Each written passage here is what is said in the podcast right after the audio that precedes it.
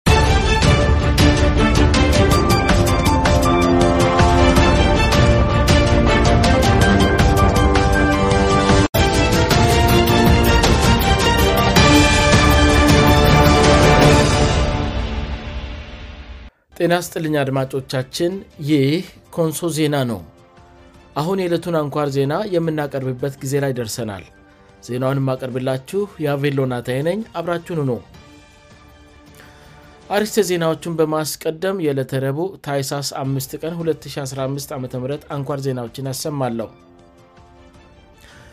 በኮንሶ ዞን ሰገን ዙሪያ ወረዳ በምግብ ቤት ላይ የቦምብ ጥቃት በመፈጸም ለንጹሐን ሞት ምክንያት በሆኑ ግለሰቦች ላይ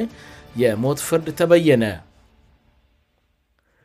ፌስቡክ ኩባንያ በኢትዮጵያ ጦርነት ምክንያት የ2ቢልዮንዶ ክስ ተመሠረተበት ቶላይፍ የተሰኘና በአመት 30 ህፃናትን በሰው ሠራሽ ማዕፀን የሚያመርት ኩባንያ በጀርመን ሀገር መከፈቱ ተገለጸ አሁን ዜናውን በዝርዝር አሰማለሁ በኮንሶ ዞን ሰገን ዙሪያ ወረዳ በምግብ ቤት ላይ የቦምብ ጥቃት በመፈጸም ለንጹሐን ሞት ምክንያት በሆኑ ግለሰቦች ላይ የሞት ፍርድ ተበየነ በኮንሶ ዞን ሰገን ዙሪያ ወረዳ ሰገን ከተማ በአንድ ምግብ ቤት ላይ ቦምብ በወርወር ለንጹሐን ዜጎች ህይወት ማለፍና ለአካል ጉዳት እንዲሁም ለንብረት ውድመት ምክንያት በሆኑ ግለሰቦች ላይ የኮንሶ ዞን ከፍተኛ ፍርድ ቤት ከ24 ተመጽኖው ሥርዓት እስከ ሞት ቅጣት መበየኑን የዞን መንግስት ኮሚኒኬሽን መስሪያ ቤት አስታውቋል በክስ መዝገቡ በአንደኛ ተከሳሽነት በቀረበው በአቶ ሰለሞን ከበደ ሀብቴ ላይ ፍርድ ቤቱ የ24 ዓታ ጽኑች ስርዓት የበየነ ሲሆን ሁተኛና 3ስተኛ ተከሳሽ በሆኑት በአቶ ኦለታ ጀግና ና በአቶ ዳኘ ገቢኖ ላይ ፍርድ ቤቱ የሞት ቅጣት በይነዋል አካቢ ህግ የኢትዮጵያ የወንጀል ህግ ንቀስ 32 ኒስ ስ1 2ታዊና እንዲሁም አንቀስ 58 ንስ ቀስ 1 ሀልታዊእና ንቀስ 539 ንስ ቀስ 1 ሀልታዊሃን በመጥቀስ በክሱ ለፍርድ ቤቱ እንዳብራራው ከላይ ሲሞ የተገለጸው አቶ ወለታ ጀግና የተባለው ሁተኛው ተከሳሽ የህግ ምስክር ከሆኑት መካከል 7ተኛው በተከራየው ምግብ ቤት ላይ ቦምብ በመወርወር በወቅቱ በምግብ ቤት ሲመገቡ ከነበሩ መካከል አቶ በቀለ በየን የተባሉ የወረዳው የጤና ባለሙያ ላይ በደረሰ ጉዳት ህይወቱ በቦታው ማለፉ ተገልጿዋል ወንጀለኞቹ የቦምብ ጥቃት ከማድረሳቸው በተጨማሪ በአካባቢው ላይ መተርየስ ከባድ የጦር መሳሪያ በመጥመድ እና ወደ ምግብ ቤቱ የተኩስ ርምቷ በመክፈት ጭካኔ በተሞላበት አኳሃን የጤና ባለሙያውን ህይወት ማጥፋታቸውና ሌሎችንም ማኩሰላቸው የአቀቤ ህግ ክስ ያብራራል በከባድ የግድያ ወንጀል በከባድና ቀላል የአካል ጉዳትና በንብረት ማውደም የተከሰሱት ሁለተኛና ሦስተኛ ተከሳሾች በመሰወራቸው በአዲስ ዘመን ጋዜጣ ሳይቀር ሕግ ፊት እንዲቀርቡ ጥሬ የተደረገላቸው ቢሆንም መቅረብ ባለመቻላቸው በለሉበት የህግ ክርክሩ ተካሂዶ ሁለቱም የሞት ፍርድ ተበይነባቸዋል ሌላኛው ውሳኔ የተላለፈበት አንደኛ ተከሳሽ አቶ ሰለሞን ከበደ ሀብቴ ሚካኤል በ24 ዓታት ጽኑች ሥርዓት እንዲቀጣ የኮንሶ ዞን ከፍተኛ ፍርድ ቤት አንደኛ ምድብ ችሎት ውሳኔ ያስተላልፏል የቀድሞው የሰገን አካባቢ ዝቦች ዞን ንሶ በዞን መደራጀቱን ተከትሎ ከፈረሰ በኋላ አካባቢው ላይ የራሳችን ልዩ ወረዳ ካልተሰጠን አካባቢውን እናሸብራለን የሚሉ ፅንፈኛ ሽብርተኛ ኃይሎች አካባቢው ላይ ተፈልፍለው የኮንሶውን የሰገን ዙዳ ወረዳ ለረጅም ጊዜ የጦርነት አውድማ ማድረጋቸው አይዘነጋም ይህንንም ተከትሎ በወረዳው አቶ በቀለ በየነን ጨምሮ የብዙ ወጣት ምሁራንና ባለሙያዎች ህይወት በእነዚህ ሽብርተኞች ኃይሎች መቀጠፉ ይታወሳል ይህ ኮንሶ ዜና ነው ፌስቡክ ኩባንያ በኢትዮጵያ ጦርነት ምክንያት የ2 ቢልዮንዶላር ክስ ተመሠረተበት በሰመን ኢትዮጵያ የተፈጠረውን የእርስ በርስ ጦርነት ተከትሎ በሜታ ኩባንያ ስር ባለው ፌስቡክ አማካይነት ግጭት አባባሽ ይዘቶች እንደተሰራጩ ተገልጿል ፌስቡክ ኩባንያ ግጭት አባባሽ ይዘቶች ሲሰራጩ አልተቆጣጠረም የማስተካከያ እርምጫም አልወሰደም በምል ክስ እንደተመሰረተበት ሮይተርስ ዘግበዋል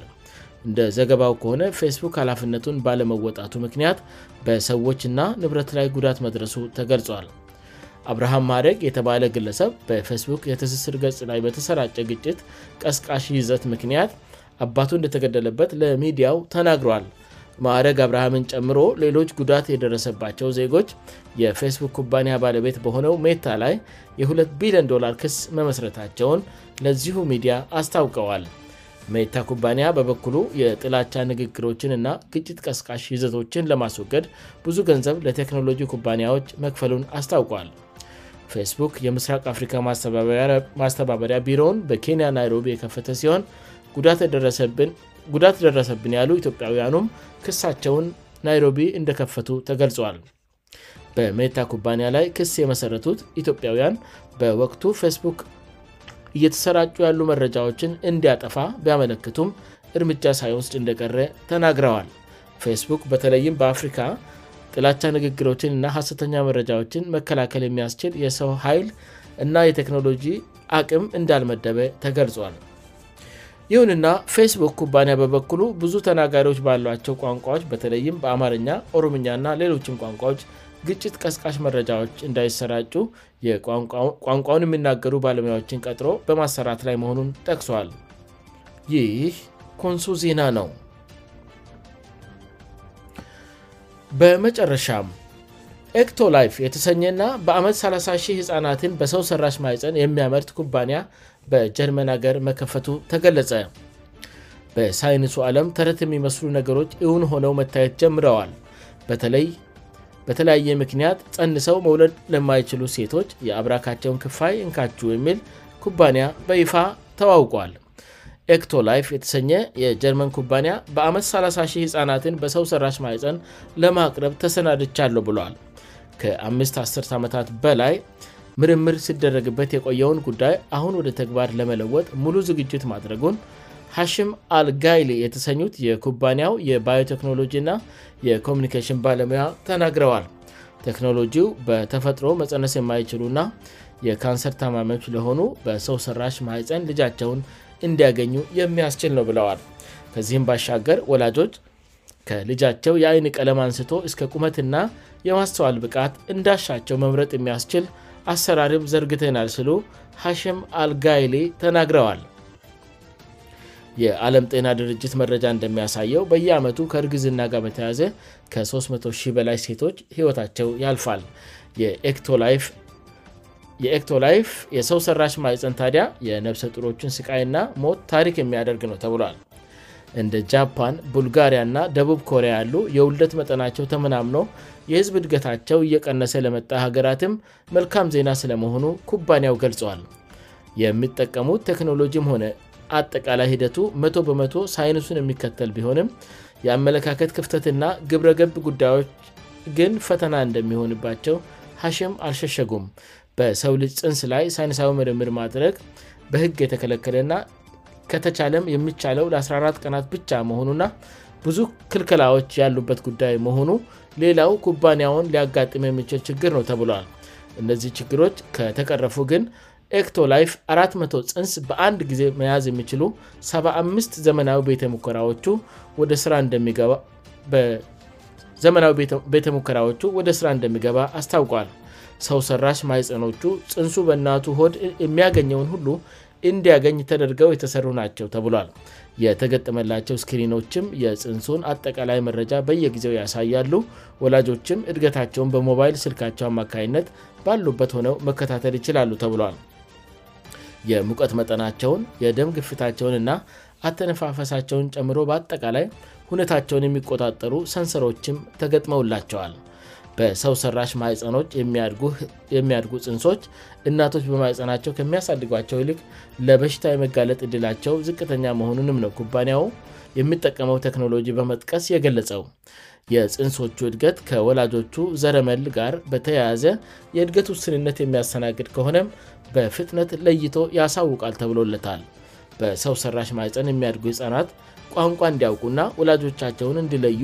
ሙዚቃዎችንና የወላጆቻቸውን ድምፆች እንድሰሙም ይደረጋል ተብሏል ዋነኛው ዓላማችን የወላጆችን ፍላጎት ማሟላት ነው የሚለው የጀርመኑ ኩባንያ የህግ ገደቦች መላላት ከቻሉ 3 ህጻናትን በአመት በሰው ስራች ማይጠን ለማቅረብ መሰናዳቱን ሚረር ጋዘጣ ዘግበዋል ይህ ኮንሶ ዜና ነው አድማጮቻችን ዜናውን ከማውቃት በፊት አርስ ዜናዎችን በድጋሚ ያሰማለሁ በኮንሶ ዞን በሰገን ዙሪያ ወረዳ በምግብ ቤት ላይ የቦምብ ጥቃት በመፈጸም ለንጹሐን ሞት ምክንያት በሆኑ ግለሰቦች ላይ የሞት ፍርድ ተበየነ ፌስቡክ ኩባንያ በኢትዮጵያ ጦርነት ምክንያት የ2ቢልዮን ክስ ተመሠረተበት ኤctላይf የተሰኘና በአመት 300 ሕፃናትን በሰው ሠራሽ ማይፀን የሚያመርት ኩባንያ በጀርመን አገር መከፈቱ ተገለጸ ዜናው በዚህ አበቃ አድማጮቻችን የዕለቱ አንኳር ዜናዎቻችን ይህን ይመስሉ ነበር ስላዳመጣችሁን እናመሰግናለን